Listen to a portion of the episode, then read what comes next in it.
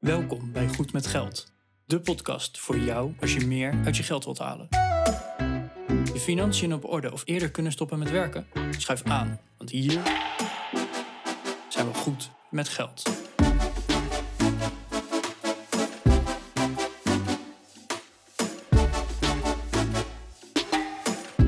aflevering 127 van de Goed met Geld podcast. Eh, Bas en Arjan weer hier. Ja, belastingen. Ik heb recent een hoop eh, belasting eh, over mogen maken. Als ondernemer betaal je jaarlijks eh, wat belasting. Je kunt een voorschot hebben. Je kan het ook, zeker in het begin, gaat het vaak achteraf. Ik heb het mogen doen en toen zat ik te denken van, nou, misschien moeten we het hier eens gewoon over gaan hebben. Want ja, het is best een financieel onderwerp, hè? Eh, grote betaling die je elk jaar doet. eh, een van de grootste kostenposten die je in je leven hebt waarschijnlijk. En dat is een van de twee zekerheden in het leven. Je moet doodgaan en je moet belasting betalen. Eh, en verder eh, zien we het allemaal wel. We hebben een belastingserie gemaakt voor jullie. Eh, en in deze show hebben we het over hoe werkt het belastingstelsel in Nederland in zijn algemeen. Later gaan we het nog hebben over veel specifiekere vormen van belasting. Maar vandaag dus eh, ja, het eerste deel van onze belastingserie. Veel luisterplezier. Goedemorgen Arjan. Ja, goedemorgen Bas. hey, we zitten een keer op een zaterdag op te nemen in plaats van op een donderdag. Voelt wel een beetje gek. Het voelt een beetje oud en vertrouwd. Ja, we begonnen vroeger altijd op de zaterdag natuurlijk. De reden dat we op de zaterdag zitten is, eh, ik, ik kon deze donderdag niet. Ik moest namelijk belasting betalen. Nee, ik moest werken en eh, daarvoor eh, belasting betalen. Flauw bruggetje natuurlijk, maar we gaan het hebben over, over belastingen. Ik weet niet of we dat al eerder hebben gedaan in eh 100, eh, bijna 130 afleveringen. Ja, waarschijnlijk wel. Maar ik denk dat we het ergens wel eens over belasting hebben gehad. Maar, maar we zaten erover na te denken en we dachten, ja, weet je, je kunt het gaan hebben over belasting betalen. Maar belasting is zo'n uitgebreid onderwerp. We gaan daar een serie van maken. Dus eh, in de komende weken gaan we een aantal afleveringen publiceren. We hebben er tot nu toe vijf klaarstaan. Die gaan over de belastingen in Nederland. En eh, we gaan niet wekelijks een, eh, een aflevering publiceren. Dat zou een beetje te veel van het goede worden. Of te veel van het slechte misschien. Maar we gaan het gewoon hebben vandaag over hoe, hoe werken belastingen in het algemeen. Ehm, de, de, daarna gaan we het nog hebben over de loonbelasting, over belasting voor bedrijven, over hoe je je eigen belastingen zou kunnen optimaliseren. En eh, op het eind gaan we het hebben over wat Nederland als, als staat doet met belastinginkomsten. En of dat eigenlijk wel nodig is of niet. Dus ja, daarmee proberen we eigenlijk het hele, dat hele belastinglandschap een beetje te belichten. Wat we wel van jou vragen is als je zegt van... hé, hey, ik heb nog een onderwerp over belastingen dat niet in het rijtje voorkomt... Stuur ons dan even een berichtje op goedmetgeldpodcast.nl slash contact. Ja, we kunnen daar rekening mee houden. We kunnen gewoon een, eh, een zesde aflevering eraan plakken natuurlijk aan deze serie. Eh, dus, dus doe dat vooral. Ja, en we verdelen deze serie dus inderdaad over meerdere weken. Af en toe een aflevering ertussendoor. En ja, eigenlijk omdat belasting zo groot is. Ik denk Bas dat als wij alle belastingen nu in één keer zouden behandelen. Dat deze podcast een uurtje of vier, vijf zou gaan duren. Eh, ja, dus beste luisteraar, dat willen we je niet aandoen. Dan moet je alleen al deze week vier uur naar ons luisteren. Waarschijnlijk hebben we dan nog niet alles gecoverd. Dus eh, ja, we hebben het gewoon lekker gegroepeerd. En ja, laten we dus gewoon maar beginnen met belasting in Nederland en eh, hoe werkt het een beetje. En ja, laten we echt bij het begin beginnen. Dus Bas, wat is de geschiedenis van de belasting in Nederland? een geschiedenislesje met Bas. We moeten een geschiedenispodcast opnemen. Dan gaan we verhalen van vroeger vertellen. Hoe het vroeger was. Ja, ik weet niet precies wanneer het is begonnen. Maar ik meen dat er al eh, enkele honderden jaren in Nederland eh, belasting wordt eh, gegeven. En, en in de geschiedenis terugkijkend zie je al veel eerder dan dat, dat er vormen van belasting waren. Want dat was natuurlijk een soort centraal bestuur. In, in Nederland, maar ook in andere oude beschavingen. Ja, dat moet wel betaald worden. Toen de Romeinen wegen gingen aanleggen. Ja, dan zeiden ze niet eh, een paar gasten van... kom, we gaan samen even een weg aanleggen, want dat vinden we cool. Nee, dat, dat werd wel centraal geregeld, denk ik. Dat moest betaald worden, dus... Daar werden vormen van, eh, van belasting eh, geheven. Hoe dat allemaal precies ging, weet ik niet. Wat, wat ik wel heb gelezen in de, in de voorbereiding hier... is dat we een... nou, lang, lang, lang geleden in, in wat we nu Nederland noemen... dat er al iets van een belasting was op luxe goederen. Als je dan, als je dan zaken, eh, luxe producten kocht... dan zat daar een stukje belasting op. Dat is een beetje vergelijkbaar misschien met hoe we nu BTW kennen en, eh en accijns en zo. Weet je, dat er een belasting op het verbruik van, eh, van goederen zit. Ja. Dat, dat is toen een hele directe manier van, ja, van, van belasting heffen. Ja, we hebben het nu een beetje over de 17e en 18e eeuw. Wat werd er dan gezien als een luxe goederen? Ja, nee, wat er in de 17e en 18e eeuw als luxe goederen werd gezien, uh, ik, ik meen dat dat zaken waren als, uh, als zeep en vlees en wol en turf en kolen en zo. En we, we noemen dat luxe producten. Het, het waren deels natuurlijk ook uh, producten met eerste levensbehoeften. Een manier om, om te garanderen dat je belastinginkomsten hebt. Want niemand, niemand kon zonder turf en kolen om zijn huis warm te stoken. Maar aan de andere kant, je zag daar wel een beginsel ontstaan wat we nu ook kennen. En dat is de vervuiler betaalt. Ja, als je in Nederland uh, een auto hebt en je tankt benzine, dan betaal je op die benzine heel veel belasting. Ja, ga je heel veel met je autootje rijden, dan moet je dus heel veel belasting betalen. Want dan moet je meer benzine kopen. En dat zag je toen eigenlijk ook al. Hè? Als jij het goed had en je was rijk en je kon daardoor jezelf veroorloven om veel vlees te eten. Ja, dan kocht je veel vlees, betaalde je daarover veel belasting. Ja. ja, dat principe kennen we al honderden jaren. Ja, en Bas, jij zegt belasting kennen we dus al honderden jaren. Ik woon in Delft en daar heb je zo'n zo'n uh, rondvaart door de, door de Delftse grachten. En daarin wordt ook verteld dat niet alleen belasting al honderden jaren bestaat, maar ook belastingontduiking uh, al honderden jaren bestaat. Zo had je vroeger had je ook een, een manier van belasting berekenen. Uh, en dat was op basis van het aantal ramen dat aan de voorkant van jouw huis zat. Dus als je, als je naar de grachtenpanden in Delft ook gaat kijken, of de grachtenpanden, de, de panden in het centrum, dan heb je dus ook uh, panden met heel veel kleine raampjes. En sommige die hebben hele grote ramen en dan hebben ze er maar een paar. En hoe meer ramen je had, hoe rijker je was, want hoe meer ramen, hoe meer belasting je ook moest betalen. En dat was dus zo'n regel van, je moet alleen belasting betalen uh, over het aantal ramen aan de voorkant van je huis. Nou, en dat was dus een uh, slim iemand, of tenminste, ja, ik vind het wel slim eigenlijk. Er was iemand die zegt van, oké, wat, wat is dan de definitie van de voorkant van je huis? Nou, en dat was dus de, waar de voordeur zat. Dus die beste persoon die heeft gewoon zijn voordeur uh, eruit gehaald of die heeft een huis laten bouwen zonder voordeur. Dit vind ik echt briljant. Je kon er dus alleen achterom. maar daarom had je geen voorkant van het huis. En uh, ja. daar zitten dus ook best wel wat ramen aan de voorkant, maar geen voordeur. Dus geen belasting. Ja, dat... Ja, dat... ik vind het geniaal. Dit, ja. dit is echt briljant. Ik, ik snap waar dit vandaan komt. Hè? En, en je, je zou zeggen, tegenwoordig denken we daar iets verder over na, over wat de gevolgen zijn. Maar waarschijnlijk werd het hè, destijds gedacht van, nou, we willen de rijken wat meer belasten. Fair enough, hè? de sterkste schouders dragen de zwaarste last. Wat hebben rijke mensen? Hebben vaak grote huizen. Hoe herkennen we een groot huis? We hadden nog niet van die lasermetertjes om te meten hoeveel oppervlakte er was en zo. Nee, uh, grote huizen hebben meer ramen dan kleine huizen. Ja. Weet je, is dat... ja, ik vind dat, ik vind dat wel briljant. Ja, en dat kleine ramen dus ook een statusding waren tegenover grote ramen. Want je kan er één groot, groot stuk glas nemen van een, uh, weet ik veel, vierkante meter. Maar je kan het ook onderverdelen in uh, vier of zestien kleine raampjes. ja, dat, Ja. dat was dus heel simpel. Dan moest je meer belasting betalen over dezelfde oppervlakte glas. Ja, Dat is echt een statusding. ja dus, dus we komen er nu eigenlijk achter dat eh, het aantal ramen een hele slechte proxy is voor hoeveel geld iemand heeft. Ja. Maar die werd toen wel op die manier eh, ingezet. Ja, ja, briljant. En, en daar zie je dat er eigenlijk al een, een soort ommezwaai van de, de gebruiker betaalt. Hè? Die, die je dus zag op al die handelsgoederen die we net hebben genoemd. Ehm, dat je meer een, eh, een ommezwaai ziet naar het draagkrachtbeginsel. Waar mensen die, eh, die of meer vermogen hebben of een hoger inkomen hebben, dat die wat meer belasting moeten gaan betalen. Ze kozen als proxy voor vermogen het aantal ramen in het huis. Dat blijkt te slechter te zijn, want dat kan je vrij makkelijk ontwijken. En dan waren er weer anderen die gingen expres heel veel ramen in hun huis maken om te laten zien hoeveel belasting ze konden betalen, dat ze het konden leiden. Dus dan, dan krijg je een soort van die show-off.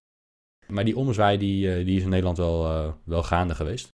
Ons huidige belastingstelsel in Nederland is helemaal gericht op eh, twee beginselen. waarvan ik denk draagkracht de belangrijkste is. Ja. Dus het draagkrachtsbeginsel gaat uit van de sterkste schouders dragen de zwaarste lasten. Als jij veel inkomen hebt, betaal je meer belasting dan als je weinig inkomen hebt. Als je veel vermogen hebt, betaal je meer belasting dan als je weinig vermogen hebt.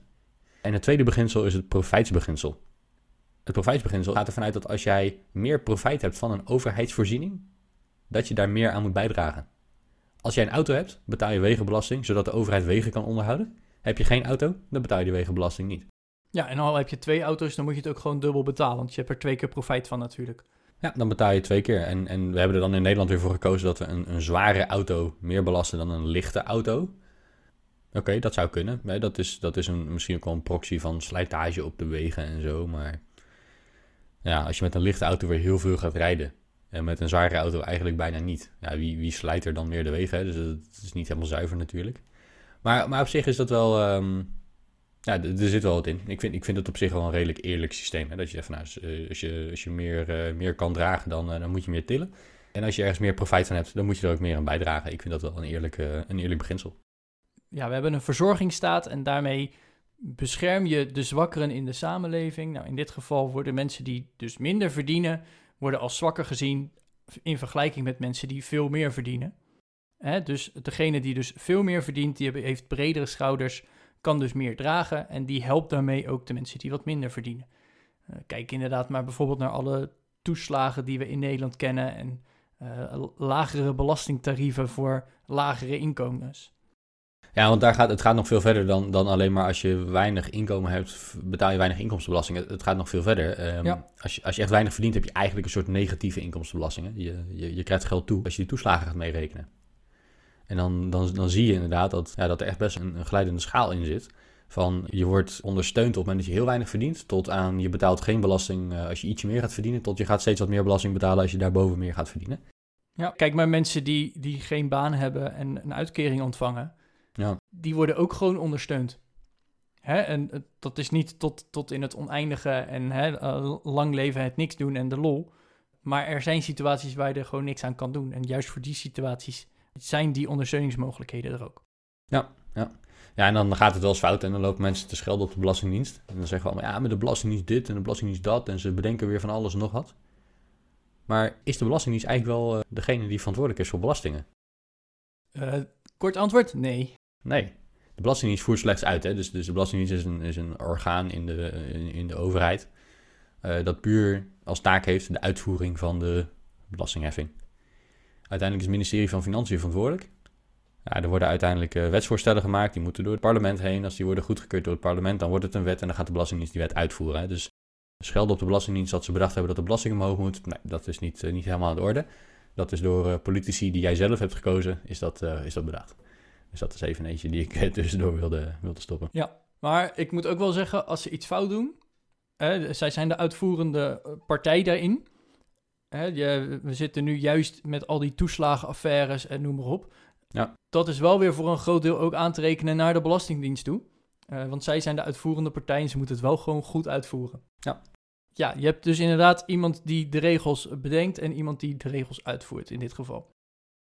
Oké, ja, om het hele principe van belastingen in Nederland ook nog even compleet te maken, is het ook wel even goed om verschillende belastingen te onderscheiden in Nederland. Want hey, we roepen wel, je moet belasting betalen. Ja, maar er zitten nogal wat verschillen. Als je bijvoorbeeld werkt, dan moet jij belasting betalen over jouw inkomen. Of als jij vermogen hebt boven een bepaalde grens, dan moet je over het rendement wat je daaruit haalt, moet je ook belasting betalen. Dat is allemaal fictief gemaakt en, en noem maar op. Maar in principe wordt dat als rekenmethode gebruikt omdat je inkomen hebt op vermogen. Nou, zo heb je ook nog bijvoorbeeld eh vennootschapsinkomsten. dus je moet ook vennootschapbelasting betalen, erfbelasting, schenkbelasting. Kortom, er komt geld bij jou binnen en over het geld dat er binnenkomt moet jij belasting betalen. Dus gewoon een inkomstenbelasting. Mhm. Maar er zijn er nog meer, want eh, denk maar eens als jij boodschappen gaat doen. Als jij naar een eh, supermarkt gaat, niet alles wat jij aan de supermarkt betaalt is wat de supermarkt eh, in zijn zak kan steken. Nee, daar moeten ze nog een stukje van afdragen. Ja. De BTW, hè, wie kent hem niet? De BTW is een kostprijsverhogende belasting. Nou, dat is dus, eh, ja, je kan ook wel een beetje zeggen, belasting op verbruik. Ja. Dus jij gebruikt iets en daar moet je belasting over betalen. Gebruik je meer, dan moet je daar meer belasting over betalen, want je, je moet er ook meer van inkopen. Ja, die, die BTW, die omzetbelasting, want, eh, zo- wordt die officieel genoemd. Naast de inkomstenbelasting is de, is de omzetbelasting eh, een van de belangrijkste belastingen in Nederland. En, en daar zie je ook weer dat, dat onderscheid. Hè? De inkomstenbelasting eh, naar draagkracht, de, de, de, de omzetbelasting, de BTW, die, gaat, die belast juist het, het verbruik. Dus ook al heb je een heel hoog inkomen, maar, maar koop je niet veel, consumeer je niet heel veel, dan zou je daar ook niet heel veel belasting voor betalen. Consumeer je wel heel veel, dan, dan betaal je wel een hoop belasting. Dat is ook meteen de beste tip om minder belasting te gaan betalen. Gewoon minder kopen. Ja, kan je het makkelijkste aan, eh, aan sleutelen, ja. Ja, mag helemaal. Hey, volledig legaal. Op minder kopen betaal je minder belasting. nou, en eh, naast de BTW heb je ook al die, eh, die bekende accijnzen. En waar zitten ze niet op? Hè? Op al- alcohol, sigaretten, of tabak in dit geval, brandstoffen. Ja. Hè, dat, dat zijn extra eh, toegevoegde belastingen. Soms om de staatskas een beetje te, extra te spekken. Hè? de- er moet ergens geld vandaan komen, dus de zwaardere ge- gebruiker die moet daar gewoon meer aan be- in betalen. Mhm. Maar soms is het ook gewoon om ja, de burger een beetje te beïnvloeden. Hè? Bijvoorbeeld bij tabakswaren wordt het ook echt wel steeds, die, die accijns wordt dan verhoogd om het roken en het gebruik van tabak te ontmoedigen. Dus daar, daar zit een beetje een, een tweeledige actie achter. Van willen ze het ontmoedigen of ja, willen ze gewoon de, de staatskas spekken? En dan heb je natuurlijk nog die overdrachtsbelasting. Nou, nu voor huizen, voor starters is dat eh, op dit moment een stuk lager of soms zelfs 0%. Voor investeerders met meerdere panden is het juist recent verhoogd. Ja. Maar de overdrachtsbelasting is ook zo'n kostprijsverhogende belasting. Je noemt nu allemaal belastingen die door het Rijk worden eh, opgelegd. En in Nederland als land zijnde, als, als staat zijnde, kennen we deze belastingen. Ja. Er zijn meerdere eh, overheden die belasting kunnen heffen. Hè, De, de provincies heffen belasting. Bijvoorbeeld de wegenbelasting als je een auto of een motor bezit. De provincie is dan uiteindelijk degene die die wegenbelasting int. Ja. Nou ja, de belasting voert uit, hè, maar dat geldt dus uiteindelijk voor de provincie. Nog lokaler heb je gemeentes die belastingen kennen. Bijvoorbeeld als jij eh, panden bezit, als je een, een eigen huis hebt of, of andere panden hebt, dan betaal je één keer per jaar de WOZ-belasting. Die betaal je aan de gemeente. Eh, maar ook zaken als parkeerbelasting, hondenbelasting, toeristenbelasting voor als je een keer een, eh, op een camping staat of een hotel neemt. Dat zijn, dat zijn belastingen die naar de gemeente gaan. Dan hebben we nog de, de waterschappen in Nederland. Dat zijn er best wel wat. Ik snap niet dat ze dat nog niet hebben, nog niet hebben gecentraliseerd. Maar goed, de waterschappen die heffen ook belastingen. Je betaalt, eh, ik, meen, ik meen dat het in die gemeentelijke aanslag is, of niet? Weet je dat, Arjan? Ja, bij mij wordt die volgens mij wel samengevoegd inderdaad. Of ze worden, ja, ze worden, je krijgt twee rekeningen, maar ze worden samengevoegd op één, eh, in, in één brief. Zeggen ze, je moet en een beetje dit eh, betalen en een beetje van zus betalen. En er zit een stukje waterschapsbelasting in. Schoon drinkwater, zorgen dat de dijken niet doorbreken en dat soort zaken. Dus het is misschien wel goed als ze daar ook een beetje aan, eh, aan bijdragen. Zeker in Nederland en zeker op de plek waar ik woon is het wel fijn dat de, de dijken en de duinen gewoon stabiel en stevig zijn. Ja, Arjan woont echt onder water, dat is, eh, dat is wel waar. Nee, maar ik woon twee hoog. nee, maar ik heb mijn hypotheek al een stukje afgelost. Ik zit echt niet onder water. Oké, oké. Maar goed, inderdaad, Delft... ehm, ja, in, in- het is maar goed dat je zo'n diploma hebt in Delft als de dijken doorbreken. Nou, volgens mij, eh, heel eerlijk gezegd Bas, Delft ligt volgens mij net boven het eh, zeewaterspiegel. Hm, Oké. Maar Delft ligt relatief hoog. Dat, eh, er is ook gewoon een, eh, een website, ik, uit mijn hoofd gezegd als de dijken breken.nl. Mhm. Dan kan je ook zien hoe hoog jouw huis ligt. En eh, zal het onder water lopen als de dijken breken. Ja, ja. Ja, oké. Dat is een leuk zijsprongetje. Maar goed, eh anyhow, de, de waterschappen die, die heffen belasting. Zodat we voor water kunnen zorgen. Ja. Leuk. Eh, de, de laatste trouwens die we kennen zijn de openbare lichamen van de BES-eilanden. Bonaire, Sint Eustatius en Saba. Het zijn drie, eh, drie bijzondere gemeenten in, eh, in het Koninkrijk. Dat zijn drie eilanden in het Caribische deel van, van Nederland. En die heffen hun eigen belastingen. Dus woon je op Bonaire bijvoorbeeld, dan, dan zal je ook daar belasting betalen en niet, niet via het Nederlandse vasteland. Ja, en Bas, eh, eh, ik wil nog even terugkomen, want je hebt nu inderdaad gezegd wie kan er allemaal eh, belasting innen. Maar we hadden het net nog over dat onderscheid, hè? want je hebt belasting op inkomsten en je hebt een kostprijsverhogende belasting. Maar je hebt bijvoorbeeld ook nog een, een milieuheffing. Dat zijn ook nog eens belastingen. En die, die worden dan vaak weer aan bedrijven belast. Van hé, hey, jullie stoten te veel uit, dus ga er maar voor betalen. Oh ja. Dat zijn ook belastingen. En er zijn als laatste nog eh, belastingen op eh, import- en exportproducten. En dat zijn dus eigenlijk een soort van ja, beschermende belastingen. Hè, dat als jij zegt als land zijnde van, nou, wij zijn eh, best wel goed in bloemen kweken. Ik noem, nou, dat zijn we op zich best wel goed in. Ja, en dan wil je dus niet dat andere landen hun bloemen super goedkoop in de Nederlandse markt zetten. Want ja, dan, dan verpesten ze eigenlijk de, de markt in het land zelf. Ja. Nou, en wat zo'n zo'n overheid dan kan zeggen: oké, alle geïmporteerde bloemen, daar moet extra belasting op betaald worden, zodat ze in vergelijking met de door ons zelf geproduceerde bloemen net zo duur, soms zelfs misschien wel iets duurder zijn. om de eigen markt te beschermen. Dat zie je bijvoorbeeld hè, de, met, met die conflicten tussen China en Amerika.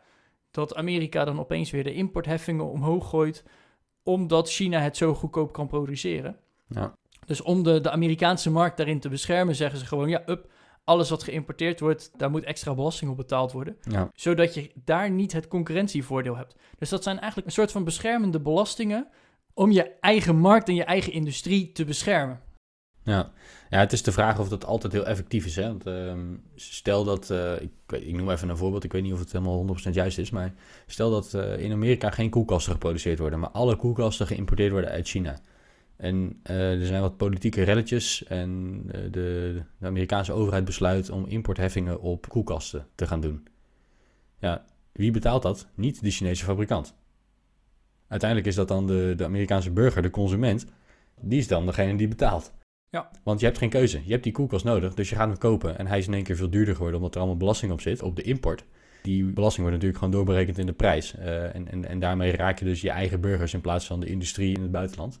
Waar, waar het denk ik heel effectief is, is op het moment dat je zegt, het voorbeeld wat jij noemt inderdaad. Hè? Wij hebben in Nederland bloemen. Er wordt vanuit het buitenland worden bloemen geïmporteerd. Dat kan misschien goedkoper. Die buitenlandse bloemen, daar hebben we een importheffing op. Om onze eigen industrie, onze eigen handel daar te beschermen. In de praktijk wordt er vaak ja, een beetje politiek misbruik van gemaakt om eh, van die ruzietjes mee op te lossen en de boel op scherp te zetten. Ik vind dat een slecht voorbeeld van hoe je belastingen zou moeten heffen eigenlijk. Maar goed, dan wordt het meer een politieke discussie, daar gaan we het vandaag niet over hebben. Nee, daar gaan we het vandaag niet over hebben. Ja, wat nog even bijzonder is, waar ik het eigenlijk vandaag nog even over wil hebben, is eh, de, de belasting op autorijden en het bezitten van auto's en alles wat ermee te maken heeft. Want dat is best wel een, eh, best wel een heftige. Als jij een auto koopt, koopt een nieuwe auto bij de dealer, dan betaal je de dealer een bedrag voor die auto. Maar, nou ja, Arjen, je hebt het net over gehad, hè, over de BTW. Ja. Op die nieuwe auto zit BTW. 21%, heel standaard. Op die auto zit nog een andere kostprijsverhogende belasting. De BTW vinden we niet genoeg. Nee, we moeten er nog een belasting bovenop gooien. Best een significant bedrag ook vaak. En dat is de BPM. Dus de BPM is een, eh, een kostprijsverhogende belasting. Ja, die voor auto's geldt, voor motoren volgens mij, voor vrachtwagens enzovoort. En vroeger was dat een vast percentage. Tegenwoordig is die volgens mij afhankelijk van de CO2-uitstoot. Hè? Dus voor een elektrische auto is het nul of inmiddels is het wel weer iets geworden of zo. Dat, dat weet ik niet precies. Maar als je een hele zware diesel hebt, dan zal je wat meer moeten betalen. Maar op het moment dat je de dealer uitrijdt, het is niet alleen dat die auto dan al de helft waard is, maar je hebt dan ook al eh, weet ik hoeveel belasting eh, betaald aan BPM en BTW. Dan heb je dus die auto. Ja, dan begint het volgende. Want je bent bij de RDW ingeschreven hè, op het moment dat die auto op jouw naam wordt gezet.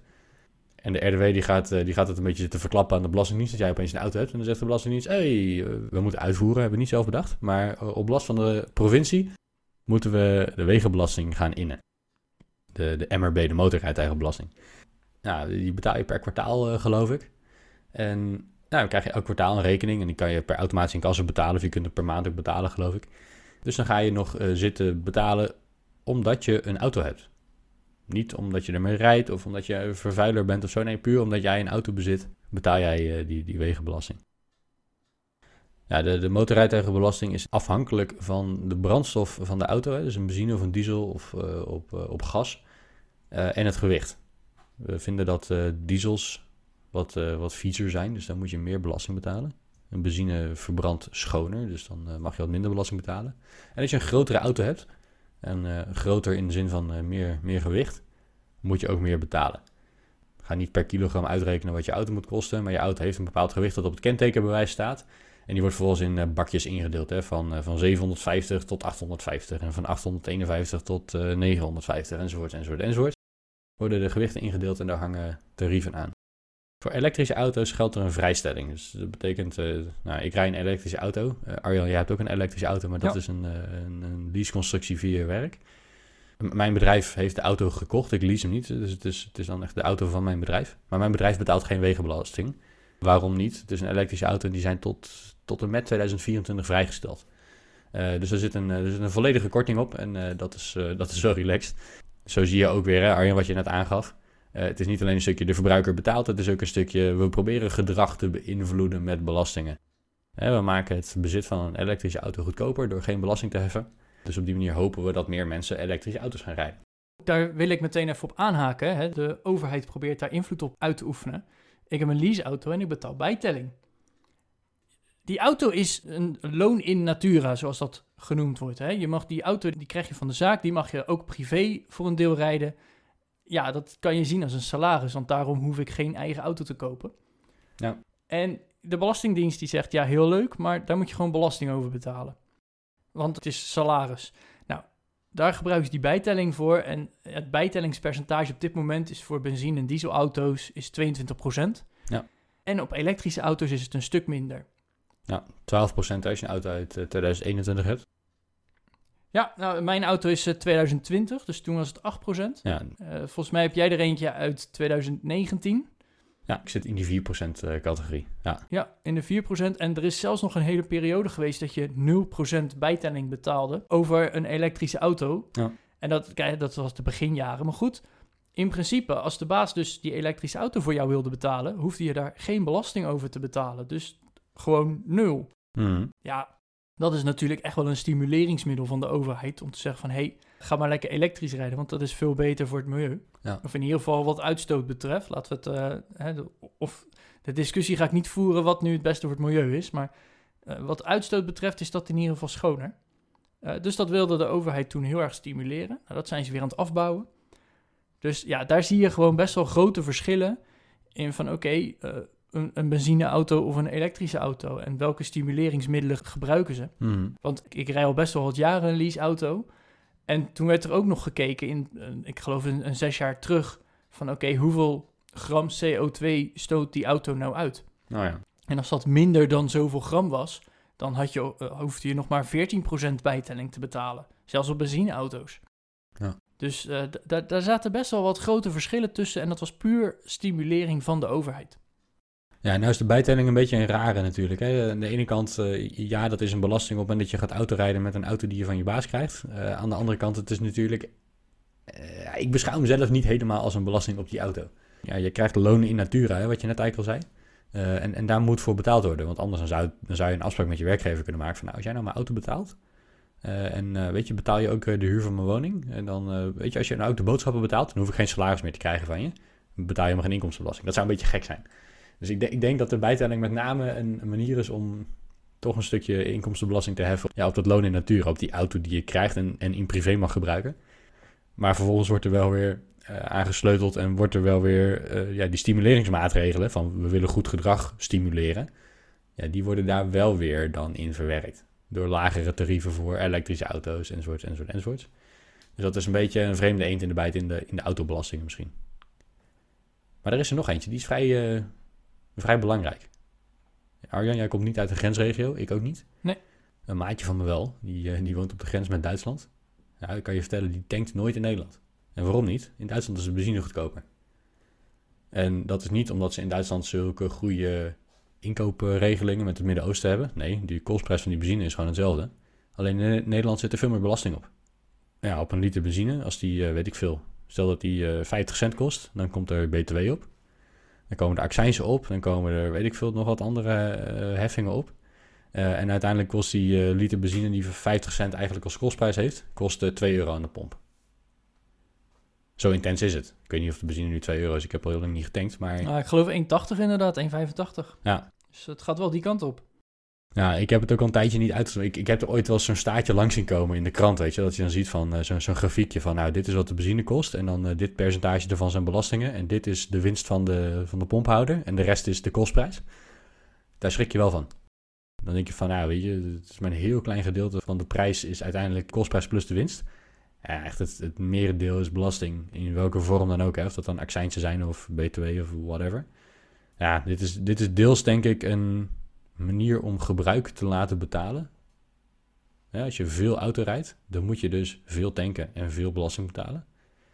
En dat principe van de vervuiler betaalt, dat is op zich een goed principe. Aan de andere kant, ja, misschien straalt het eh, cynische van onze vriend Geldnerd een beetje op mij af. Maar ik heb ook het gevoel dat op deze manier de autorijder een beetje als melkkoe wordt gebruikt. Van, nou, we moeten ergens wat een, eh, een belastinggat dichten. Nou, dan gooien we de accijns op de benzine een beetje omhoog. Want ze gaan toch wel tanken, want ze moeten wel. Ik weet niet of dat helemaal zo is, maar dat, dat gevoel krijg ik er soms wel een beetje bij. Wat, wat denk jij? Ja, ik vind het lastig. Ja, ik snap je punt. Want ja, als ik nu ook ga kijken naar eh, de stroomprijzen voor elektrische auto's. daar willen ze nu ook weer belasting op gaan heffen. Want ja, er zijn opeens al veel meer elektrische auto's. En dus ziet de overheid ook uh, de, de inkomsten uit die accijnzen opeens lager worden. Ja. En dus is er dan opeens straks een gat. En dus moet er iemand wel weer bij gaan betalen. Mhm. Dus ik zie hier ook wel een soort van: hey, laat de autorijder maar gewoon betalen. Ja. Ja, en hoe dat verder, ja, ik vind het gewoon lastig. Ik vind het zelf ook bijvoorbeeld heerlijk om met de trein te gaan. En die, zijn ook, die is ook best wel duur. Mhm. Ik heb er ook wel eens een blog over geschreven dat openbaar vervoer helemaal niet zo openbaar is, want het is knijten duur. Eh, ja. Dus het is gewoon heel lastig. Maar goed, eh, we hadden deze aflevering over belastingen, dus ik ga weer even terug naar de belastingen. En ik denk dat we eigenlijk deze aflevering gewoon af gaan sluiten. We zijn bijna 40 minuten bezig, dus ik denk dat we genoeg hebben besproken voor een eerste belastingaflevering. Van wat voor belastingen zijn er nou eigenlijk? Nou, belastingen die bestaan dus al honderden jaren. Mhm. Die zijn dus om dingen te bekostigen die redelijk van algemeen nut zijn. Hè? Dat was vroeger eh, bescherming. Hè? Je had zo'n landheer in een groot kasteel en die stelde wat land aan je beschikbaar. En hè, een deel van de opbrengst van je land, dat gaf je aan die kasteelheer, zodat hij ook kon eten. Ja. Maar die kasteelheer die zorgde dan ook weer voor bescherming en soldaten, noem maar op. Nou, tegenwoordig hebben we ja, de, de overheid die wij belasting betalen. Voor, nou, hè, van, van snelwegen tot aan uitkeringen, tot aan defensie, nou, noem maar op. Het hele overheidsapparaat moet daarvan betaald worden. En daar worden die belastingen voor gebruikt. Nou, in principe heb je dus twee beginsels. Je hebt een, een profijtbeginsel. Hè, dus hoe meer profijt je hebt van de overheidsvoorziening, hoe meer je moet betalen. Zoals bijvoorbeeld hè, die, die wegenbelasting of hè, met accijnzen toch ook wel een soort van. Mhm.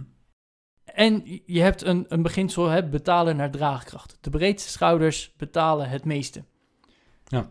Dus hoe meer je verdient, hoe meer belasting je moet betalen. Een, een, een, comedian die zei pas, ja, ik, eh, de helft van mijn geld die geef ik aan een goed doel. En daarmee doelde hij op de Belastingdienst. Oké. Dan heb je dus een aantal instellingen, of eh, een aantal overheidsorganen die belasting kunnen eh, rekenen of kunnen, kunnen innen. Mhm. De Belastingdienst die int het, maar in principe kan het Rijk zeggen: je moet deze belasting betalen. De provincie, de gemeente, de waterschappen en dan heb je nog die openbare lichamen van de BES. Ja, in de rest van deze serie gaan we het dus hebben over de loonbelasting en inkomstenbelasting, over belasting voor bedrijven en hoe zij die proberen te ontwijken, over het optimaliseren van je eigen belastingen. Hebben we het eerder al eens over gehad, maar we gaan hem toch even opnieuw meenemen hier. En we willen afsluiten met eh, wat doen we eigenlijk met belastinginkomsten als, als land zijnde? Is belasting nodig? Kunnen we dat op een andere manier misschien eh, oplossen? Er zijn wat discussies over in de economische wereld op dit moment. En als jij eh, tips, tricks hebt, laat het ons weten. Goedmetgeldpodcast.nl slash contact. Ja, wil je onze show steunen en zorgen dat we meer content voor jullie kunnen maken?